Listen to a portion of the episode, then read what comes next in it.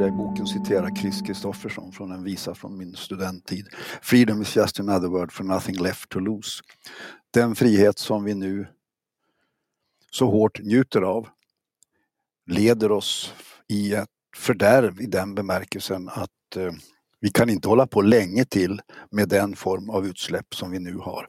Och det räcker ju inte med att säga att det är de som ska sluta att släppa ut. Det är ju in, I hela vårt livsstil är ju inte att det är vi som släpper ut. Det är visserligen flygbolagen som släpper ut kol, koldioxiden i atmosfären men de har ju passagerare. Det är vi som sätter oss i planen. Ja, precis. Hej och välkommen till avsnitt 79 av Klimatpodden med mig Ragnhild Larsson.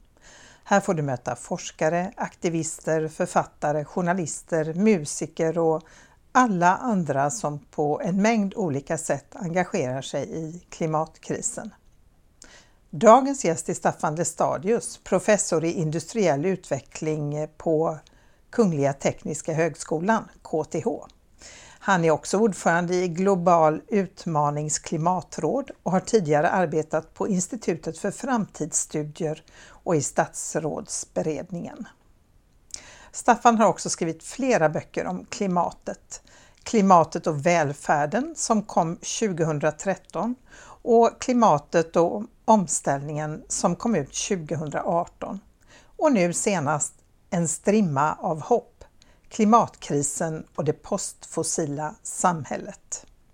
Det här samtalet är inspelat i samarbete med Stadsbiblioteket i Göteborg där vi gjorde en livesändning på Facebook den 23 mars inför en tom hörsal, men desto fler hemma vid sina datorer.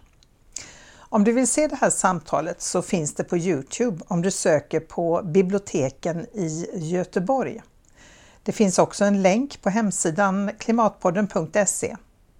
Men för dig som föredrar att lyssna så är det här ett utmärkt alternativ. Under vårt samtal så pratade vi om vad som får Staffan att trots allt känna hopp och om hur omställningen ska gå till och att omställningen är större och måste gå snabbare än vad vi faktiskt vill veta. Att vårt moderna samhälle är gravt fossilberoende och att det här beroendet framförallt handlar om vårt sätt att leva och tänka. Vi diskuterade också vår syn på tillväxt på en finit planet vår syn på friheten och idén om att tekniken ska fixa allt och vilka tecken som finns på den kollaps som väntar och hur den kan ta sig ut. Synen på tiden är också viktig menar Staffan. Han undrar varför ska man konstruera tåg som går 400 kilometer i timmen? Varför är det självklart att man ska kunna ta sig till Bangkok på 11 timmar och till Grövelsjön med bil på 5 timmar? Vi kom också in på avsaknaden av krismedvetande inom det politiska etablissemanget. När en partiledare pratar om elflygplan och en annan om kärnkraften för att komma till rätta med klimatkrisen får jag kalla kårar längs ryggraden, säger Staffan Lestadius. I slutet av eh, livesändningen så fick eh, de som tittade en möjlighet att ställa frågor i kommentarsfältet på Facebook. Och frågorna läses upp av Martin Holmqvist som är programsamordnare på Stadsbiblioteket i Göteborg. Klimatpodden är ju helt fri från reklam. Så det är med andra ord ni som eh, lyssnar som bidrar till att den kan fortsätta komma ut. Så därför är du varmt välkommen att eh, sätta in en valfri summa, stor eller liten, på Klimatpoddens eget swishkonto 123 396 2974. Ja, tänk om alla som lyssnar till exempel skulle bidra med en 50-lapp var i månaden. Det skulle göra en väldigt stor skillnad. Och till alla er som redan har valt att stötta podden eh, så vill jag förstås rikta ett stort varmt tack. Utan er, ingen podd. Och ett annat väldigt bra sätt att stötta podden är förstås att tipsa släkten, dina vänner och bekanta och kollegor. Liksom att dela avsnitt som du gillar. Och kom för all del ihåg att höra av dig med synpunkter på avsnitten och förslag på vem just du vill se som gäst i kommande avsnitt. Du kan skriva på Klimatpoddens Facebook-sida eller mejla mig på ragnhild.konvoj.se. Men nu är det hög tid att köra igång dagens avsnitt med Staffan Lestadius. Varsågoda! Varmt välkomna hit till detta samtal på Göteborgs stadsbibliotek med Staffan Lestadius som har skrivit boken Klimatkrisen och det postfossila samhället, eller En strimma av hopp heter den. Eh, om klimatkrisen och det postfossila samhället. Och jag heter Ragnhild Larsson. Välkommen hit Staffan Lestadius. Vem är du? Jag är ursprungligen nationalekonom och ägnar mig åt en massa utredningar, samhällsvetenskapliga utredningar. Men sen kände jag att jag är nog kanske akademiker. Så då sökte jag mig till Tekniska högskolan och blev så småningom professor i industriell utveckling. Eh, men vid tilltagande ålder så insåg jag också att Eh, en nackdel med akademikerna är att vi blir allt mer fokuserade och skriver allt smalare saker i allt mer engelskspråkiga eh, tidskrifter. Så jag tyckte att man då när man blir lite äldre också skulle dela med sig av sin kunskap. Så den här boken och de tidigare är ett försök av mig att, så att säga, tanka av det jag har lärt mig och istället fokusera på, rikta mig till en bred svensk samhällsdebatt. Och hur blev du engagerad i eh, klimatkrisen, i de frågorna? Ja, det är en lång historia. Första gången jag tänkte på klimatet det var faktiskt när jag läste Rolf Edbergs bok Spillran av ett mål 1966 och då gick jag i gymnasiet. Sen har det kommit tillbaka vid olika tillfällen i takt med att klimatkrisen har blivit allt mer uh, allvarlig och tydlig. Så att, uh, men grunden ligger faktiskt mer än 40 år tillbaka i tiden, snarast 50 år. Det är ett tag. Ja. Eh, din bok den här boken då, här finns ju väldigt många tänkvärda citat. Eh, och ett av mina favoritcitat är det som handlar om hopp av författaren Rebecca Solnit. Och jag skulle vilja be dig att läsa det. Ja, jag ska göra ett försök. Problem är vår uppgift. Vi tar itu med dem för att överleva eller för att förbättra världen. Och därför är det bättre att se dem i vitögat än att titta bort, gömma undan dem och förneka dem. Att se problemet i vitögat kan vara en hoppfull handling, men bara om man kommer ihåg att det inte är det enda som finns. Tack.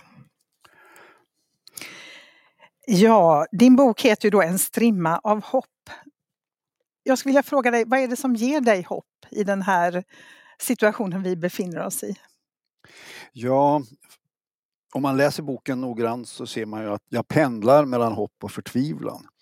Och väldigt mycket handlar ju om, och några av mina vänner har frågat, var finns hoppet i allt det här du skriver? Och jag menar att då är vi tillbaka till det citat som jag läste. Att eh, hoppet får man nog inte om man tror att allt ska bli som det har varit. Hoppet får man inte om man tror att man räddar den gamla klassiska välfärden. Utan hoppet får man att man inser att vi måste börja bygga något nytt från den position vi nu befinner oss i. Vi vet inte riktigt var vi kommer att hamna men det kan vara en mobiliserande. Så hoppet är samman kopplat med mobiliseringen för handling. För annars om man tittar ut i vad som händer, precis som du säger, så överallt så slås vi av att ingenting händer som räddar klimatet. Mm. Vad får dig när du då eh, får lite mörkare tankar eller vad får dig att tappa hoppet? Eller att känna hopplöshet? Liksom? Ja, på ett område som är tydligt och som jag vill säga redan nu. Det är den bristande insikten i vårt politiska ledarskap. I stort sett ingen av våra politiska ledare, eh, partiledare och de i, i topposition i Sverige tar upp frågan på ett seriöst sätt. Man glider undan när man får en fråga om vad är det som behöver göras. Man tar inte chansen för att säga att det här är ett jättestort problem som vi måste hantera och att det vi som politiker måste styra den utvecklingen. Vi är medvetna om att det skapar problem. Det verkar som om man saknar den här problemkänslan. Vad tror du det beror på? Ja, alltså okunskap håller inte riktigt. Svenska politiker är omgivna av mängder av människor som kan. En del tror jag är rädsla. Man är rädd för det här, det är för stort. Eh, för att man ska våga ta itu med det. En del av rädslan har att göra med också att man tror att man inte blir återvald om man säger som det är. Där tror jag att de har fel. Eh, sen är det ju så att våra ledande politiker har ju inte vunnit sina meriter på just de här frågorna. De kan andra saker. Men det här har de så att säga hållit sig undan ifrån. Och en uppgift med min bok är att bidra till att lyfta upp de här frågorna så att de kommer mer på den politiska agendan. Hur eh, tror du att vi eh, eh, skapar krisinsikt då? Jag menar, vi, vi har, det finns ju redan tillräckligt mycket kunskap. Vi vet egentligen allt vi behöver veta. Så egentligen är det väldigt konstigt att, eh, att vi saknar den här krisinsikten. Den borde finnas där. Så, så hur tror du att vi kan skapa den? Alltså, ibland tror jag att det finns en... Under senaste året har det diskuterats mycket om tillit. Och en del menar att tilliten har försvunnit i det svenska samhället och att pandemikrisen antyder det. Men jag tror att det finns tillräckligt mycket tillit tyvärr skulle jag vilja säga, så att folk förväntar sig att de där uppe ska lösa det här problemet. Att ingenjörerna ska lösa det här problemet med ny teknik. Att eh, politikerna nog ska se till så att de andra slutar släppa ut. Så att vi kan fortsätta vår livsstil. Eh, de andra, eller politikerna, har ju löst det här förut. Så jag tror den typen av tillit som finns i systemet eh, oreflekterat eh, är ett hinder här. Utmaningen är ju då att om man är en insiktsfull politiker måste man säga att för närvarande så är det en stor kris och vi måste ta itu med den. Och det saknar jag. Mm. Du upprepar ju ofta det här att omställningen är större och måste gå mycket snabbare än vad vi egentligen vill veta. Vad menar du med det? Ja, så de allra flesta människor jag har träffat och jag har varit ute och pratat med ganska många, även om det inte har varit så mycket under det senaste året av förklarliga skäl, känner ju till att klimatkrisen finns där. De känner ju till att koldioxid hänger ihop koldioxidutsläppen hänger ihop med temperaturhöjningar och att temperaturhöjningar kommer att skapa andra problem. Det känner nog de flesta till. Däremot så tror jag att man inte har riktigt känslan för hur snabbt det måste hanteras. Jag brukar säga att om man ska ha en chans att hantera Parismålen som lades fast 2015 så måste vi i praktiken halvera våra utsläpp före 2030.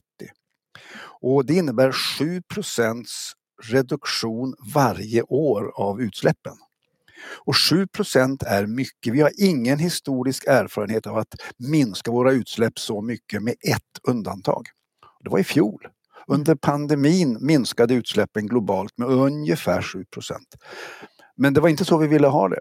Men nu ska vi fortsätta år ut och år in med samma reduktioner. Om man börjar skrapa på ytan på vad det innebär, då inser man att det här är en mycket stor omställning. Men hittills har vi inte börjat skrapa på ytan utan vi blundar lite för det, vi stoppar huvudet i sanden jag tänker det är också väldigt lätt att blunda när man bor i Sverige. Jag menar på vägen hit när jag cyklar hit, inte märkte jag av någon klimatkris då liksom. Det är ganska, de flesta märker ju inte det i sina dagliga liv ännu. Vi är inte så hårt drabbade ännu. Nej, så är det. Det är ju så den här krisen artar sig. Eller visar sig till exempel i relation till om man är i krig. Då märker man när bomberna faller. Men vi ser lite av det också i den nuvarande pandemin.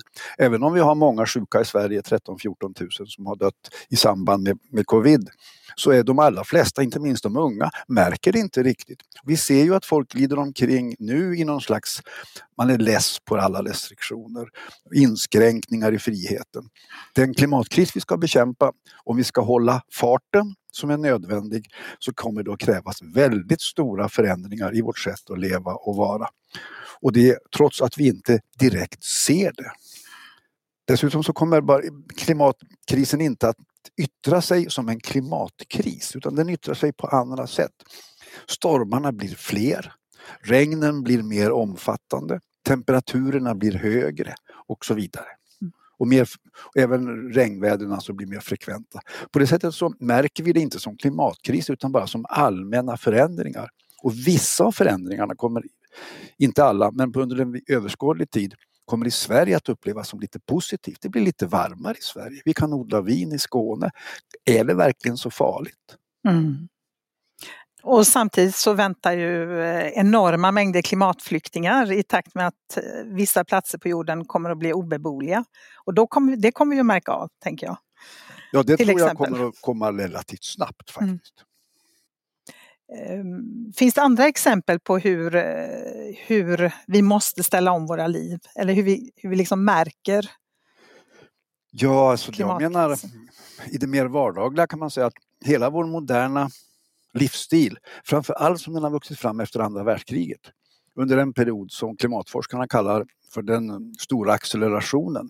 I stort sett har vi då ökat vår användning av fossila bränslen med ungefär 2 eller upp till 3 och ibland 4 procent om året. Och det här har vi liksom vant oss med. Det, här, det är det här som har gett oss vår välfärd. Det är ju fossilanvändningen som gör att vi flyger till Malaga på semester. Det är ju fossilanvändningen som gör att en del far på kultursemestrar till Bilbao och tittar på Guggenheim-museet. Det är fossilanvändningen som gör att folk flyger till Thailand. Man åker bil upp till fjällen och så vidare. Hela, alla våra stora bilar är ju ett resultat av det här att vi tycker det är självklart. Det är en del den frihet vi upplever. Mm. Så att oreflekterat är vi i stort sett i hela vårt liv baserade på ökad fossilbränsleanvändning. Och du menar att vi måste också eh, tänka på ett nytt sätt när det gäller frihet? Vi har liksom en fossil frihet nu, eller frihet att förstöra planeten kan man ju säga. Jag brukar, jag tror jag i boken citerar Chris Kristoffersson från en visa från min studenttid. Freedom is just another word for nothing left to lose. Den frihet som vi nu så hårt njuter av leder oss i ett fördärv i den bemärkelsen att eh, vi kan inte hålla på länge till med den form av utsläpp som vi nu har. Och det räcker ju inte med att säga att det är de som ska sluta att släppa ut. Det är ju in, I hela vårt livsstil är ju inte att det är vi som släpper ut. Det är visserligen flygbolagen som släpper ut kol, koldioxiden i atmosfären men de har ju passagerare. Det är vi som sätter oss i planen. Ja, precis. Men tycker du nu att det verkar vara någon ökad krisinsikt då? Man kan ju tänka sig att pandemin kanske skulle ge oss då denna ökade insikt. Jag, menar, jag läste här i tidningen häromdagen att nu är bokningarna till Thailand liksom, eh, ja, de når nya rekordnivåer. Därför att folk längtar så efter att få flyga dit igen. Ja, det är ju lite så att um, nedgången på 7% under fjolåret håller nu på att tas upp. Om man tittar på statistiken, jag tittade faktiskt på den så sent som igår, så ökar det nu under hösten ökar oljeutsläppen eller oljeanvändningen för varje månad. Och har nu i december passerat hur det var år 2019 eller uppe på den nivån. Så att det stiger. Mm. Och det är ju framförallt det här du säger, vi är så less så att nu ska vi ta igen det. Och en del av flygbolagen menar ju att, gör ju fina prognoskurvor på att vi ska få tillbaka flygaktiviteten ungefär 2023 eller något sådant. Och, så att krisinsikten finns inte riktigt. Den finns på den politiska nivån ibland. Inom EU talar man om att det ska inte bli ett helt återställande utan det ska bli en nystart åt ett annat håll. Men om man skrapar på ytan också där så ser man att en mycket, mycket stor del av alla de pengar som nu inom EU avsätts för eh, att hantera efterbörden efter pandemin går faktiskt inte till att avveckla fossilbaserade aktiviteter utan det går till att återställa fossilbaserade aktiviteter. Ett exempel är ju alla de gigantiska stödpengar som världens flygbolag har fått under mm. senare år. Mm. Ja, det känns ju inte något vidare bra. Alltså, många menar ju nu att 1,5-gradersmålet som vi kom överens om i Paris, det är liksom kört. Det börjar också se väldigt illa ut för 2-gradersmålet. Men du menar ändå att det är viktigt att vi eh, håller fast vid de här målen. Varför då? Ja, dels för att anknyta till citatet jag läste. Vi måste ju ha en slags målsättning som vi arbetar med. Vi måste sätta upp mål även om vi inte exakt vet att vi kommer att nå dem. Och som du sa, en och är det ingen längre som tror på. Eh, som det nu ser ut så pekar det mot temperaturhöjningar i slutet på det här seklet på ungefär 3 grader, möjligen 4. Och det innebär att eh, istället för att då ge upp när man eh, säger att vi klarar knappast tvågradersmålet så menar jag att det gäller då att kämpa för varje tiondel för att minska de problem som kommer att, att uh, inträffa vid sekelskiftet. Vad händer om vi har mål som vi aldrig uppnår? Ja, det är en intressant fråga. Jag tror nog att målet är lite glidande. Eh, men eh, det blir väldigt moralförstörande om vi så att säga släpper allting. Och så att mitt hopp här står faktiskt till just att eh, det är inte varken eller, det är inte binärt. Det är inte så att vi klarar tvågradersmålet, då är allt bra. Klarar vi det inte så är allt dåligt. Utan det är en glidande skala och i det här fallet så gäller det så att säga att kämpa för varje, var, varje, del, varje delmål. Mm. Eh, men det är viktiga är inte att diskutera målen i slutfasen. Jag tycker det är viktigt att diskutera vad vi gör nu. Och istället för att hålla på och ha massor med diskussioner kring påvens skägg om det är 2 grader eller 2,4 så ska vi nu säga att vi vet att vi måste ner på ungefär 7 reduktioner varje år. Mm. Och vi måste börja nu. Mm. Vi kan inte skjuta den diskussionen till 2030. För att då har vi släppt ut för mycket, för det är den samlade utsläppsnivån som skapar klimatförändringarna. Så följaktligen så är det varje år vi tidigare lägger det här som är bra. Och att säga halvering till 2030 innebär ju också, att, och in, ingenting däremellan, innebär ju att jag låter någon annan fatta besluten. 2030 är jag inte med i den politiska debatten. 2030 är dagens politiker inte återvalda. 2030 är det nya direktörer i företagen. Mm. Därför är sju, de årliga målen viktiga. 7 procent. Och det är hanterbart. Vi kan ju följa det direkt. Har vi lyckats? Har vi misslyckats? Klimatpolitiska rådet eh, är ju inne på att och visar ju i sina rapporter att Sverige hittills inte lyckats. Inget land lyckas leva upp till Parisavtalen för tillfället. Och de är ändå mycket lindrigare än de här sjugradersmålen. Ja, vad kommer det sig? Varför håller vi på så här? Och bara fortsätter släppa ut koldioxid? Ja, det är ju en stor fråga som vi inte hinner lösa på den här, det här korta samtalet. Men eh, jag tror att det är en felsyn att tro att man förändringen kan börja uppifrån. Alltså det vore ju väldigt bra om alla leda, världens ledare samlade sig och skrev på ett konvolut och reste sig och sa att nu blir det inga utsläpp mer. Men eh, det har inte blivit det. För 30 år sedan när de här förhandlingarna började ungefär 1990. Sedan dess har världens utsläpp ökat med mer än 60 procent. Faktum är att hälften av alla utsläpp mänskligheten har gjort har skett efter det att de internationella samtalen påbörjades. Den lärdom vi drar är att även om det vore bra med internationella avtal så måste vi börja någon annanstans. Jag menar vi ska börja i botten. Vi måste börja som förebilder, som land, gärna som individer, men som, som land och säga att vi, vi börjar rulla upp det här från Sverige. Vi vet att det pågår sådana här samtal också i Norge och Danmark och Nya Zeeland och överallt annars. Och om man ser att vi kan börja rulla upp det här i Sverige så kan man göra det på andra håll och vi kan bilda allianser. Så det måste vara bottom up. Annars kommer vi inte att klara det. Och då är det ju lätt att säga 7 det är hanterbart. Det leder ungefär rätt. Det finns en del forskare som säger att man måste göra ännu mer. Det viktiga är att kommer vi igång med 7% nu och så visar vi att det fungerar. Sen kan vi finkalibrera det här om några år. Därför är det viktigt att vi nu inte återupptar det så kallade förlorade året 2020 och hamnar utan ta det som en ny startpunkt. Men det är väldigt få som vågar prata om det. Ser du några tecken på att det är på gång? Att vi liksom gör den nystarten? Ja, det är ju samtal som det här. Mm. Och som jag hoppas det är fler av. Och det finns ju i det politiska systemet många som resonerar så. skrapar man på ytan på EUs publikationer så är det många som skriver om det. Och även sådana här vanligen lite torra organ som Internationella valutafonden, Världsbanken och inte minst Internationella energiorganet. De är ju väldigt tydliga med att just nu så går det åt fel håll. De skriver alltid regeringarna måste skärpa sig.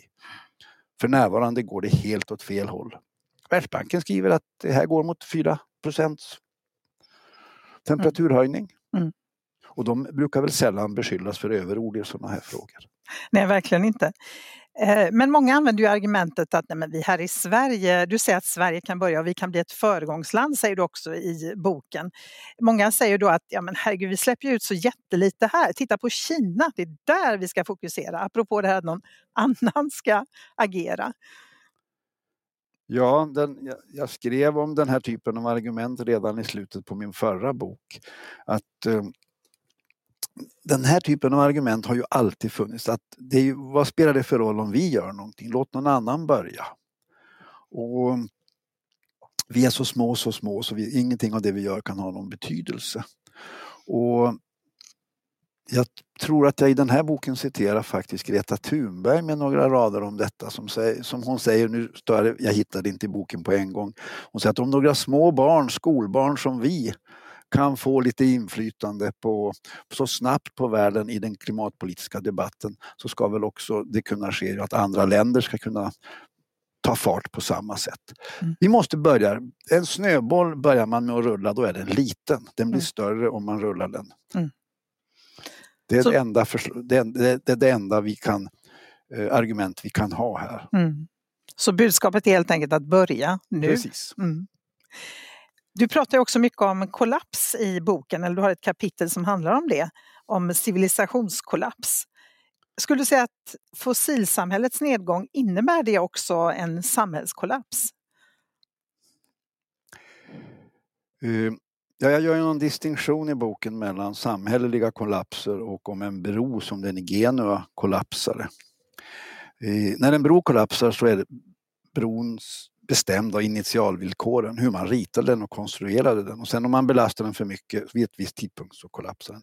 Men samhällen förändras ju hela tiden. Så att eh, det är inte hugget i sten hur vår kollaps ska se ut. Däremot kan man väl säga att eh, fossilsamhället den fossilberoende vi har, det kommer att kollapsa. Ja, det hoppas vi ju. Och det hoppas vi ju. Mm. Och jag gör en jämförelse med det assyriska samhället som hade 200 år av uppbyggnad och sen 100 år av nedgång. Och det är väl ungefär vad vårt fossilsamhälle kommer att ha. 200 år av uppgång från 1800-talet fram till nu och så sen kanske en 100-årig nedgång fram till år 2100. Men hur den nedgången ska se ut är ju inte hugget i sten. Det är ju det vi ska besluta om. Mm. Vi ska alltså avveckla fossilsamhället. Och det ska vi förhoppningsvis göra i ordnade former. Och vi ska bygga upp något nytt. Och, eh, så att kollapsen är inte självklar. Kollapsen blir inträffar sannolikt om vi inte får ordning på det här under det kommande decenniet. Då kommer det att bli mycket mera oordning framöver. Oordning i form av större stormar, oordning i form av flera oväder och framför allt oordning av att vi måste ägna allt mer av våra resurser åt reparationsarbeten för att rädda något istället för att använda de resurserna till att bygga något nytt och annorlunda. Så någon form av kollaps blir det men hur den ska se ut vet vi inte och det är upp till oss att bestämma hur den ska bli. Mm. Ser du några tecken på kollaps nu? Ja, alltså jag anar en av mina områden som jag tror kan dyka upp, och du nämnde det tidigare i samtalet, det är att det kan inte uteslutas att vi redan inom ett par decennier har så pass stora delar av världen som hamnar i, som blir obeboelig. Eh, dels är det strandnära områden. Det bor ett antal hundra miljoner alldeles för nära vattnet. Och sen har vi områden, i, inte minst i Afrika, som eh, kommer att drabbas av torka. Det har publicerats några uppsatser helt nyligen om att det är, går mycket fortare att man når, når den där temperaturen som man inte kan leva länge i i, och då måste människor dra sig därifrån. Så det skulle inte förvåna mig om migrationstrycket ökar kraftigt. Det var som hände i det gamla romarriket också, man förmådde inte hantera immigrationen där. Det var stort migrationstryck redan under de sista hundra åren av romarriket. Jag tror att vi står här i, och det här är ju liksom en känslig fråga också, hur förhåller vi oss, hur ska vi hantera migrationsfrågan? Och då menar jag att ytterst är det ju så att vi ska förhindra, den stora aktionen är att se till att vi inte hamnar i det klimatläget. Det är det stora sättet för att få balanserade folkrörelser. Folkrörelser har vi alltid haft och ska ha. Mm. Och jag antar att vi är, vi är överens om att de är viktiga ur en mängd synpunkter. Men det gäller att ha koll på dem. Och här är det en stor utmaning och det är lite svårt politiskt att diskutera det också. Varför är det så svårt? Ja, det är inte här egentligen inte min fråga i den dagspolitiken kring migrationen. Eh, det kräver så mycket att skapa förutsättningar för att integrera de stora grupper människor som kan komma i ett sånt här sammanhang. Och folk är inte beredda på det helt enkelt. Och jag menar att det här måste vi lära oss hantera och det, det viktiga är kanske inte att vi vet hur vi ska göra utan det viktiga är att vi ser problemet och det ännu viktigare är att vi är beredda att satsa resurser i klimatarbetet för att förhindra att vi hamnar där i mitten på det här seklet. Vi har ju faktiskt 30 år på oss att agera i de här frågorna. Jag tror att det är ungefär i mitten på seklet. När jag säger tror så är det inte min egen forskning här utan här är det den forskning som jag refererar till i de här frågorna i boken. Det är i mitten på seklet som vi löper risk att få väldigt stora folkrörelser. Ett tema i boken är också då hur oerhört fossilberoende vi är. Du har delvis varit inne på det. Eh, och du menar att det i första hand inte handlar om en energiomställning. Utan vad handlar det om? Ja, alltså energin finns ju med här. Ja. Men det är att väldigt mycket av debatten har ibland kommit att handla om att vi ska fixa här med energin så löser vi klimatkrisen. Och det resulterar då i att en del ropar eh, jag tror på elflygplan. Andra ropar fler kärnkraftverk. Eh, några säger att vi ska nog fylla på med mera biobränsle i tankarna. Eh, men om man skrapar på ytan så är det ju liksom andra frågor det handlar om. Alltså, man behöver, det är enkelt att räkna på att så mycket biobränsle finns det inte för att kunna lösa, ersätta alla bensinbilar med eh, biobränsle. Bortsett från att biobränsle också om man har dem i förbränningsmotorer också släpper ut koldioxid, vilket är en fråga i sig. Mm. Utan det är en fråga om att ändra aktivitetsnivån så att vi kan göra omställningen. Och ett exempel Eh, och det innebär att väldigt, de fossilbaserade system vi har, det är inte i första hand att de ska byta bränsle i tankarna utan aktiviteten i de systemen måste drastiskt sänkas. Eller också måste de helt enkelt avvecklas till förmån för andra system. Och då är det inte en energifråga i första hand utan en systemförändringsfråga. Eh, man kan säga att eh, man kanske måste halvera bilbeståndet innan man kan hantera. Man måste halvera flygresornas aktivitet om det överhuvudtaget ska vara hanterbart. Det är den typen och då är vi tillbaka en halvering på 10 år. 7 procent om året reducerar flyget. Det innebär konkret, om jag nu ska vara nästan som svära i kyrkan, att eh, vi har ju så många fossilbaserade bilar i det här landet så att om de ska avvecklas under kommande tioårsperiod och de bilarna ska kunna användas så borde man i princip ha förbud mot att sälja förbränningsmotorbaserade bilar från och med nu eftersom vi har tillräckligt fram till år 2030 när de ska vara avvecklade. Och det är kanske inte helt populärt. Men det var väl Volvo-chefen som gick ut för inte så länge sedan och sa att han väntade på ett förbud mot eh, bensin drivna eller fossildrivna bilar? Ja, det finns ju. Det, mm, det är en intressant fråga att många av de här företagen som upplever att de ligger i framkanten i teknikskiftet de ropar ju på att politikerna ska hjälpa dem. Och det här tycker jag är en fascinerande sak att det finns ju Många av oss är väl till och med uppfostrade med att det är industrin som bromsar.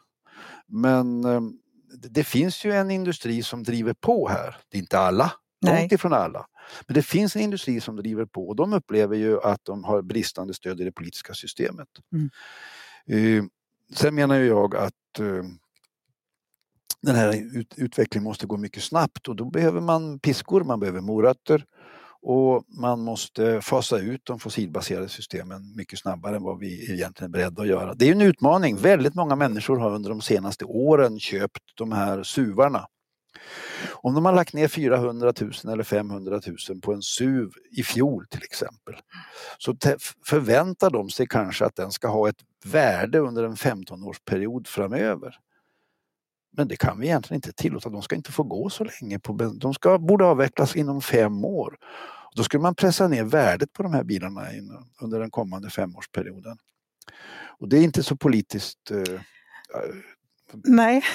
Gångbart kanske. Nu är det en del som har fattat att det är på väg. Och då gör ju de det att de säljer dem utomlands. Mm. Exporten av bilar har ju ökat kraftigt från Sverige av begagnade bilar. Det tror jag har att göra med det här men jag har inte sett några direkta studier på det. Ja, för det låter ju som en politiskt omöjligt uppdrag, eller liksom att föreslå det som politiker. Mm.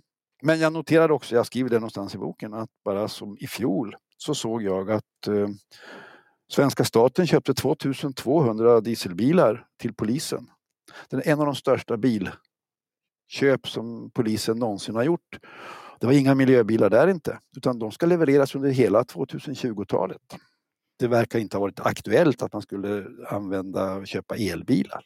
Men det här händer ju gång på gång att man fattar sådana här huvudlösa beslut och då undrar man vad handlar det om? Är det då att vi är så fast i det här vårt eh, fossila eh, kapitalistiska system eller handlar det om okunskap eller är vi bara korkade?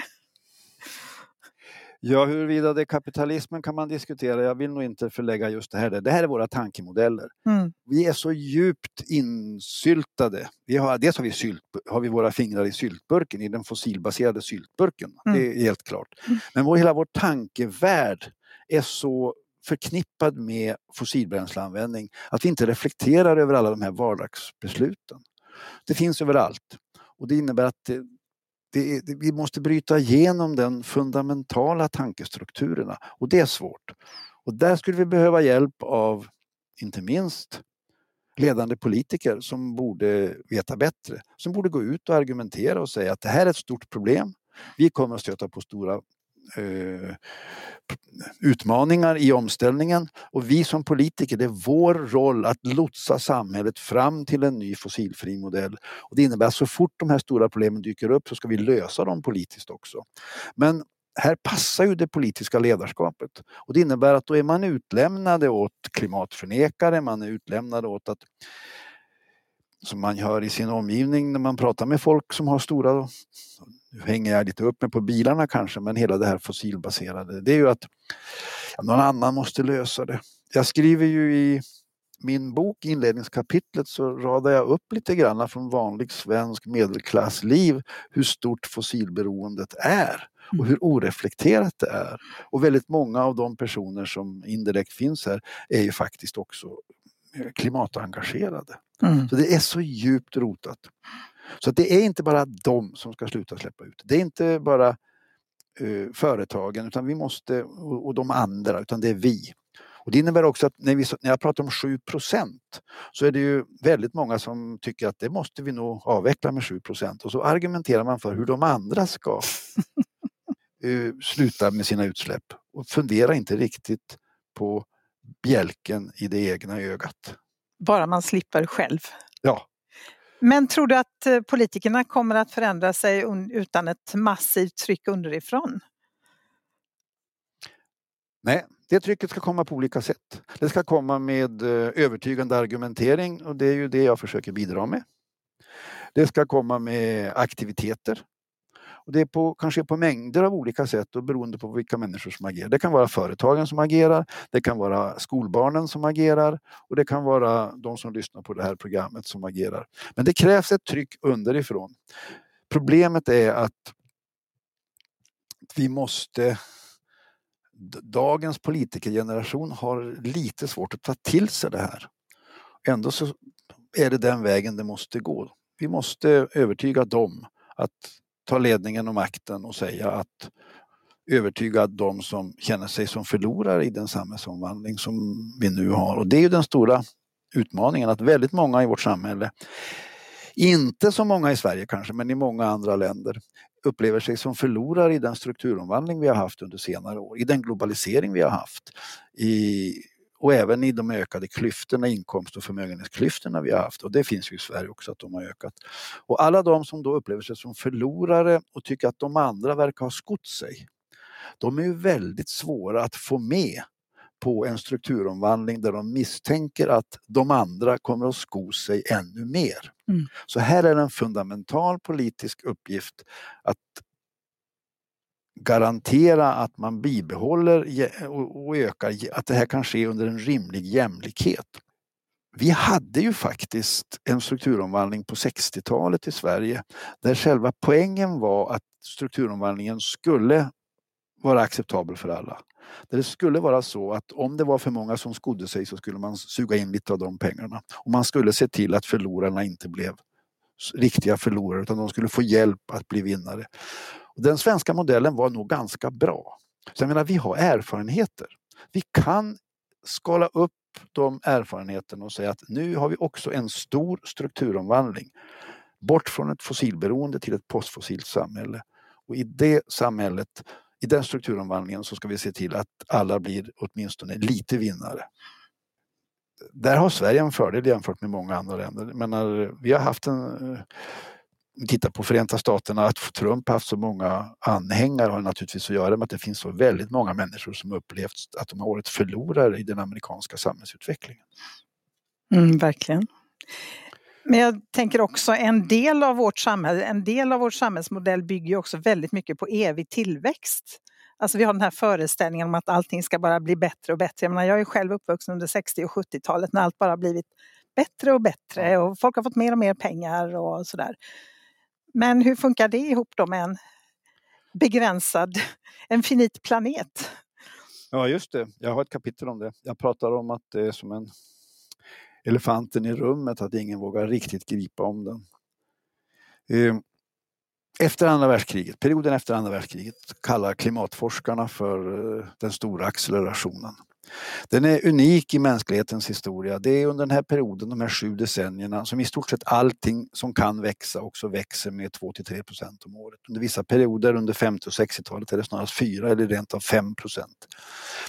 Och det är materialanvändningen, det är utsläppen, det är utnyttjandet av alla resurser och det är fossilbränsleanvändningen som växer också.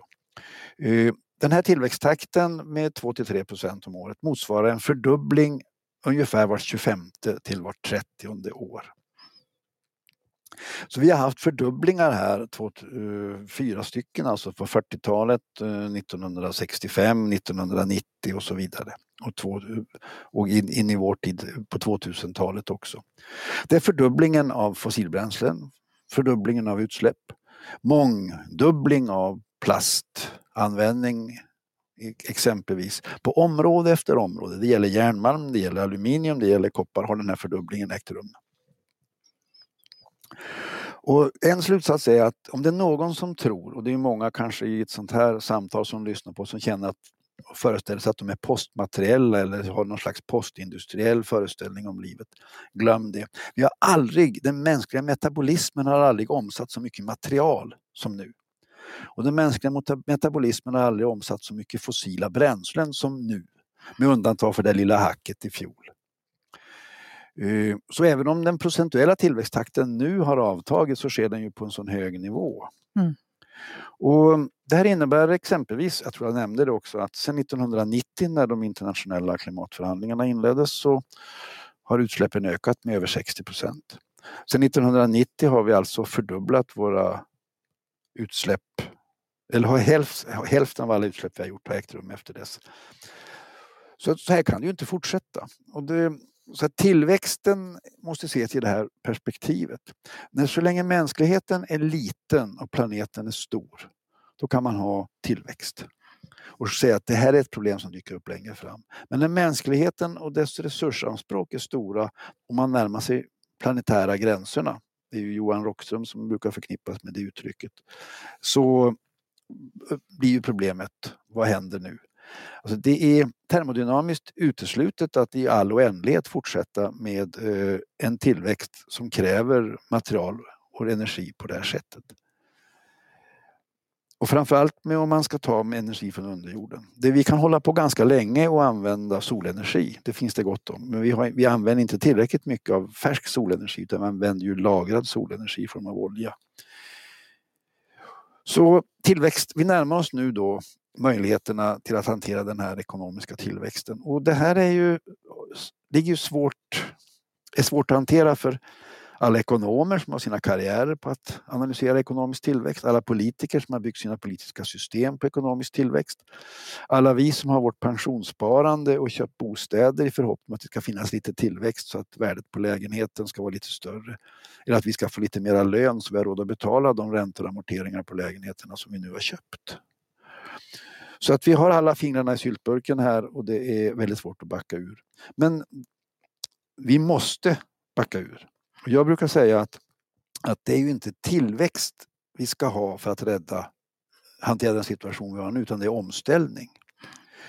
Eh, så föreställningen om grön tillväxt tror jag man ska skrapa på ytan på. Det finns ingen belägg för att den kommer att fungera. Utan det är omställningen vi ska ha. Vi ska avveckla fossilbaserade aktiviteter.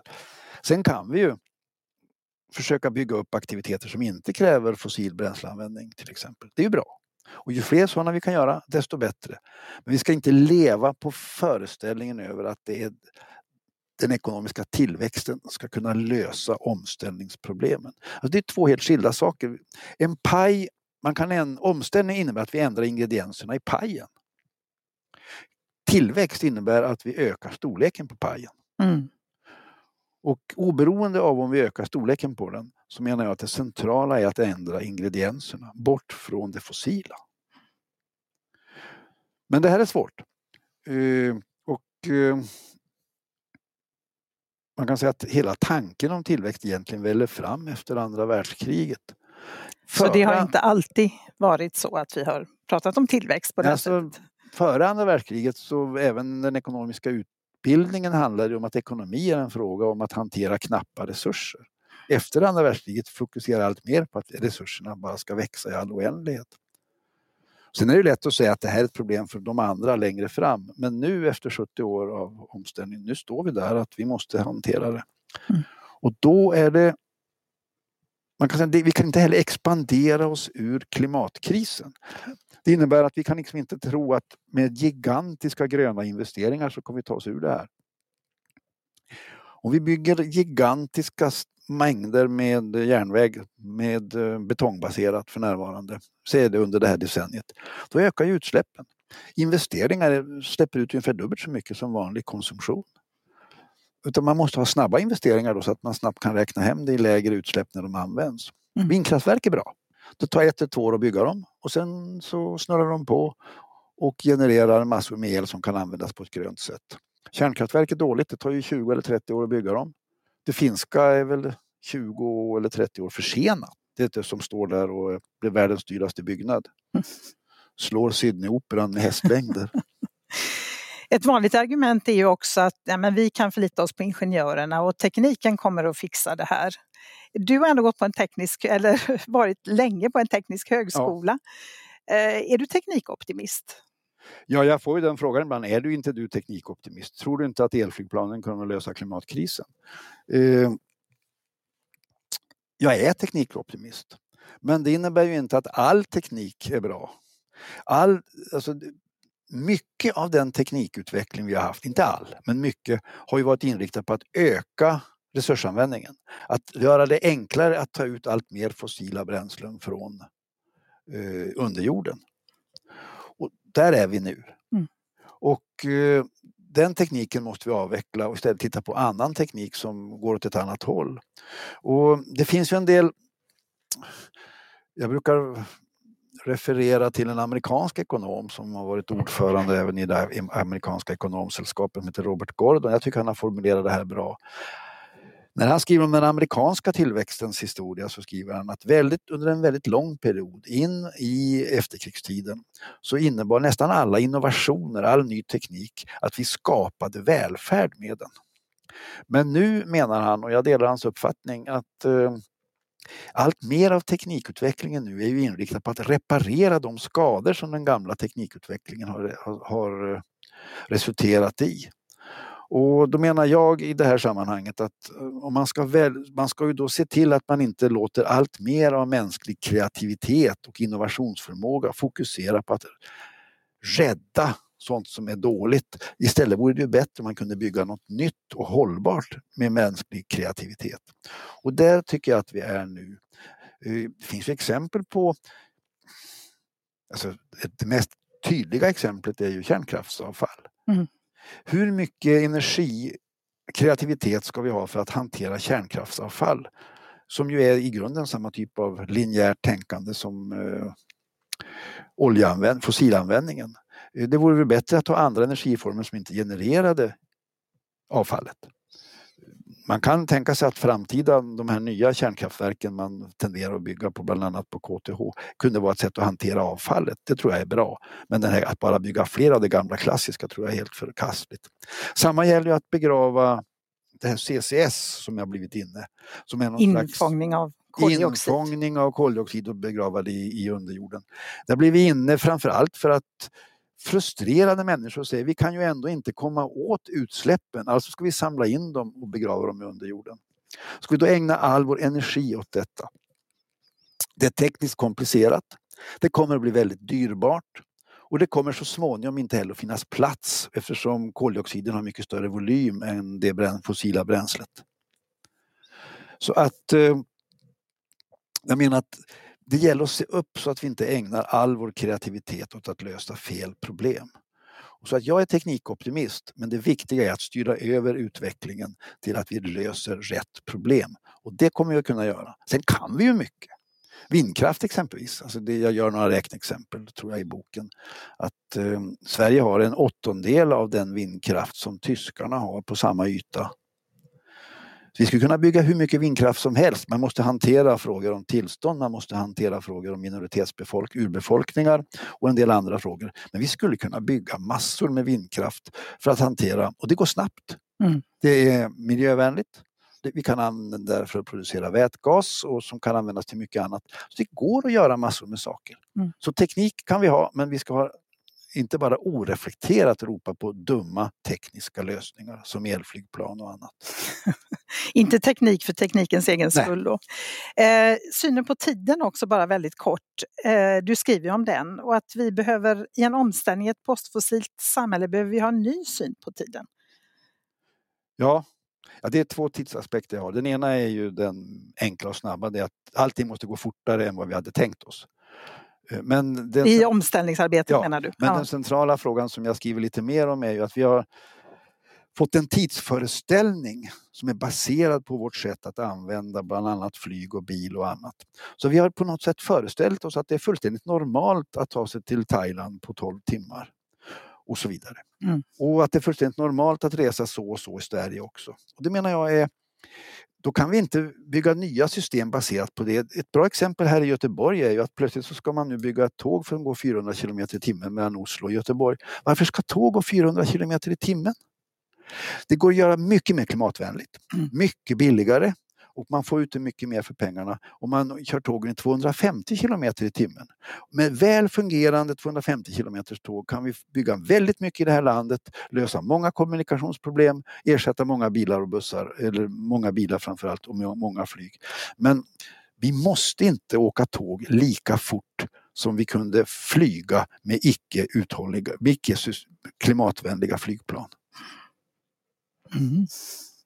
Så kort sagt är det väl så att vi har all kunskap och det finns väldigt många lösningar egentligen. Inte all. Nej, inte alltså, all. Akademikerna, akademiker kan aldrig säga att vi har Nej, all det är sant. kunskap. Men vi har tillräckligt med kunskap. Lite mer forskning också. Jo, det är sant. Men vi har tillräckligt med kunskap för att veta att vi måste ställa om. Och för att dra igång. Ja. Och för att hantera det här decenniet som är kritiskt. Ja, ja.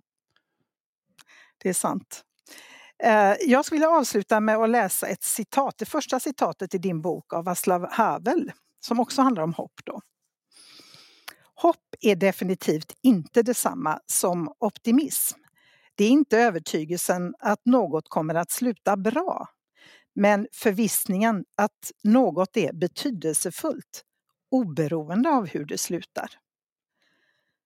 Det är det hoppet framför allt som ger oss styrkan att leva och ständigt pröva nya lösningar.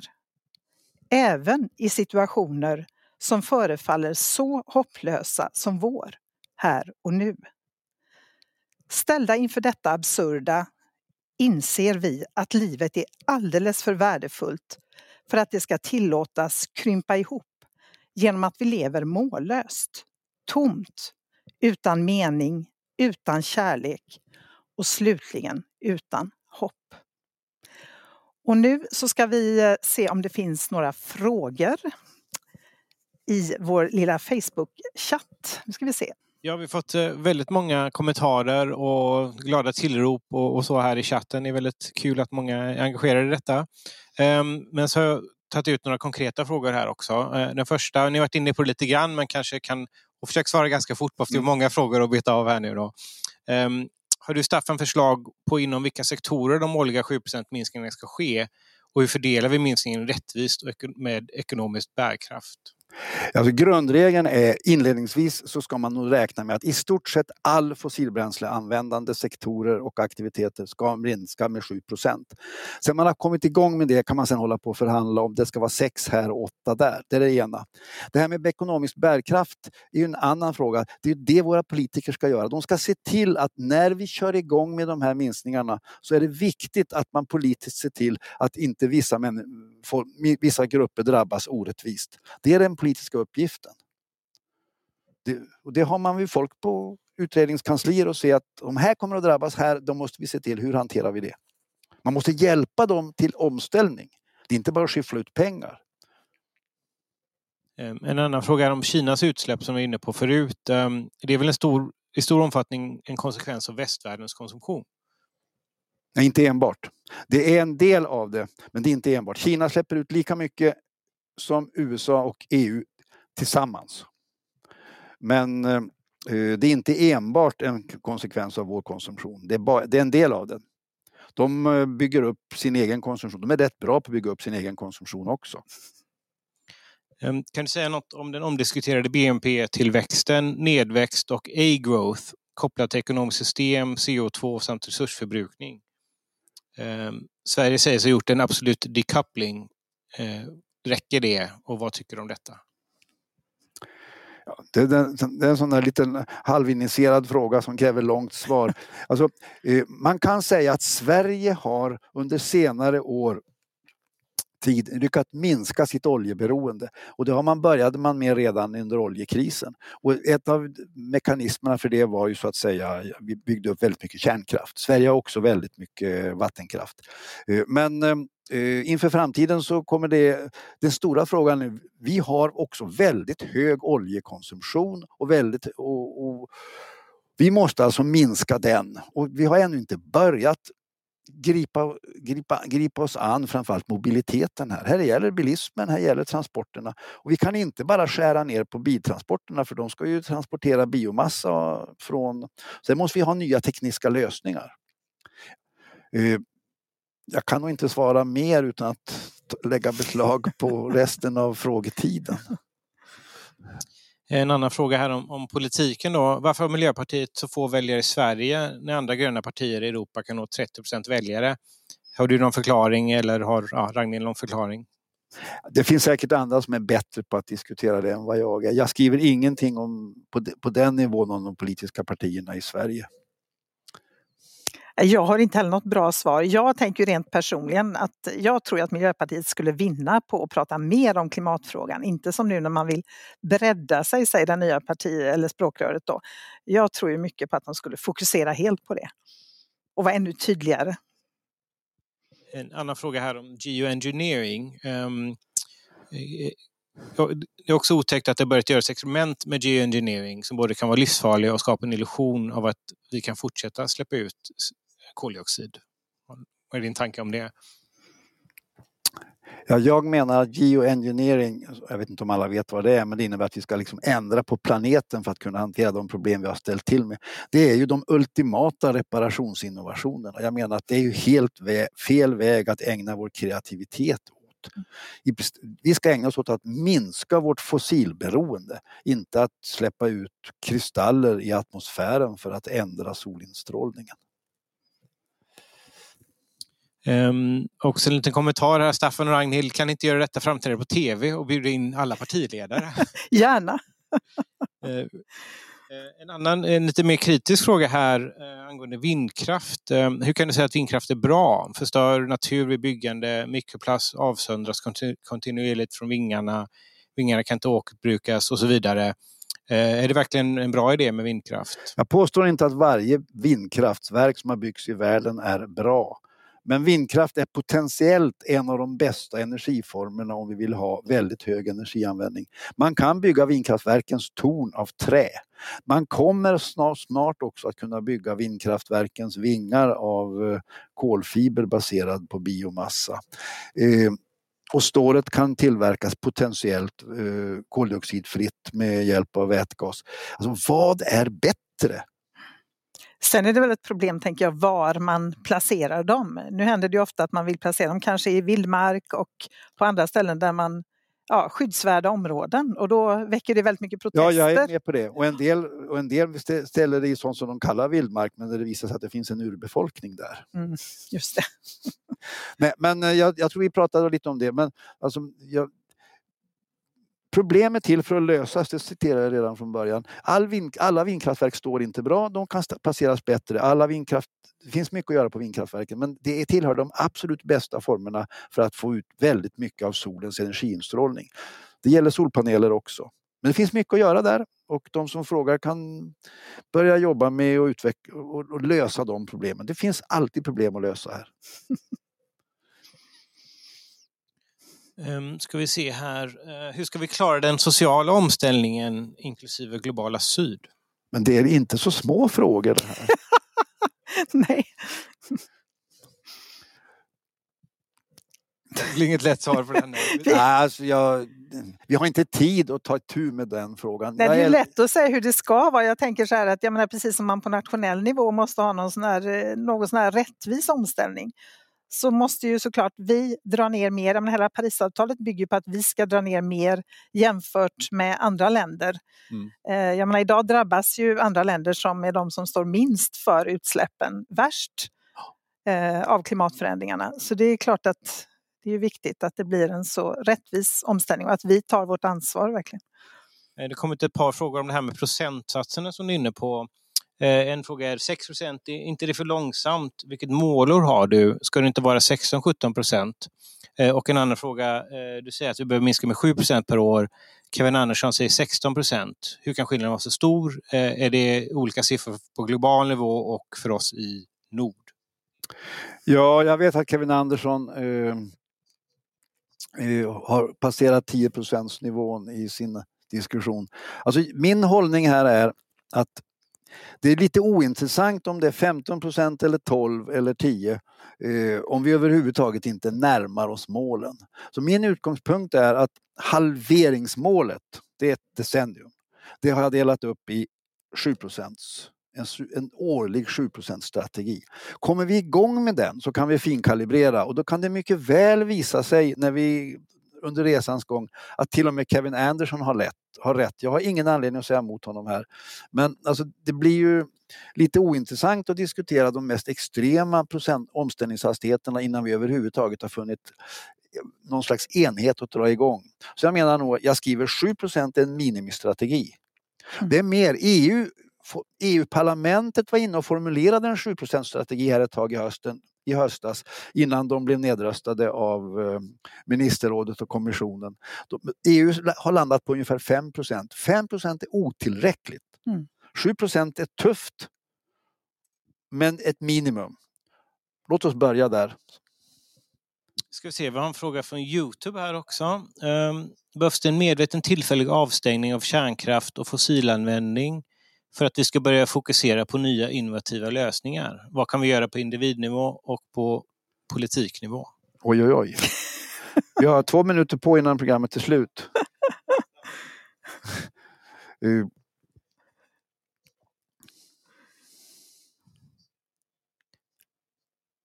Ja, eh, ska vi se, mycket, det blir mycket diskussion om vind och även vågkraft. Har du någon uppfattning om det? Jag har ingenting emot det. Det är väl bra. Eh, men eh, hela mitt fokus i boken är under det här decenniet måste vi ha system som ger effekt i någon stor skala. Och de system på energiområdet som ger effekt här och kan ge, det är ju vind och solkraft.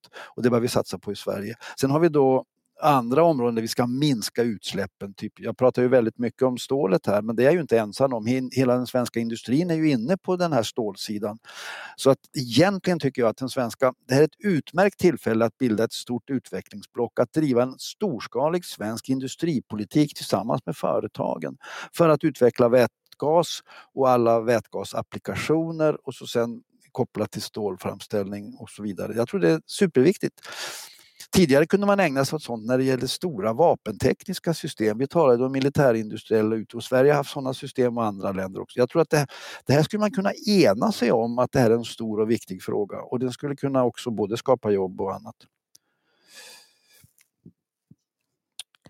Ja, eh, det fortsätter att välja in frågor här men eh, tyvärr så börjar nå sitt slut här med tiden. Vill ni avsluta några avslutande ord kanske? Ja, det var ju väldigt intressant att sitta här och prata med dig och det väcker ett stort intresse som vi märker.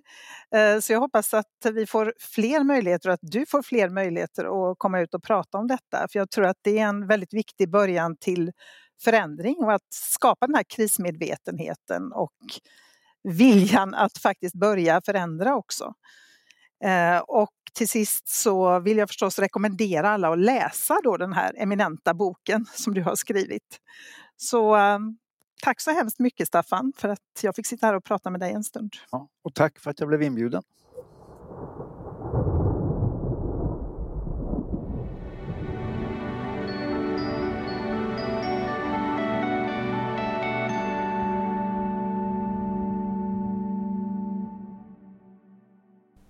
Du har lyssnat på Klimatpodden som produceras av Konvoj Produktion. Gäst i dagens avsnitt var Staffan Lestadius. Du hittar mer information om Klimatpodden och dagens avsnitt på hemsidan klimatpodden.se. Klimatpodden finns på alla ställen där poddar finns och du kan följa podden på Twitter och Facebook till exempel. Signaturmelodin är skapad av Tommy Kaso och loggan till Klimatpodden är gjord av Hannes Larsson. Om du vill stötta arbetet med podden är du varmt välkommen att swisha valfri summa till 123 396 2974. Alltså 123 396 2974.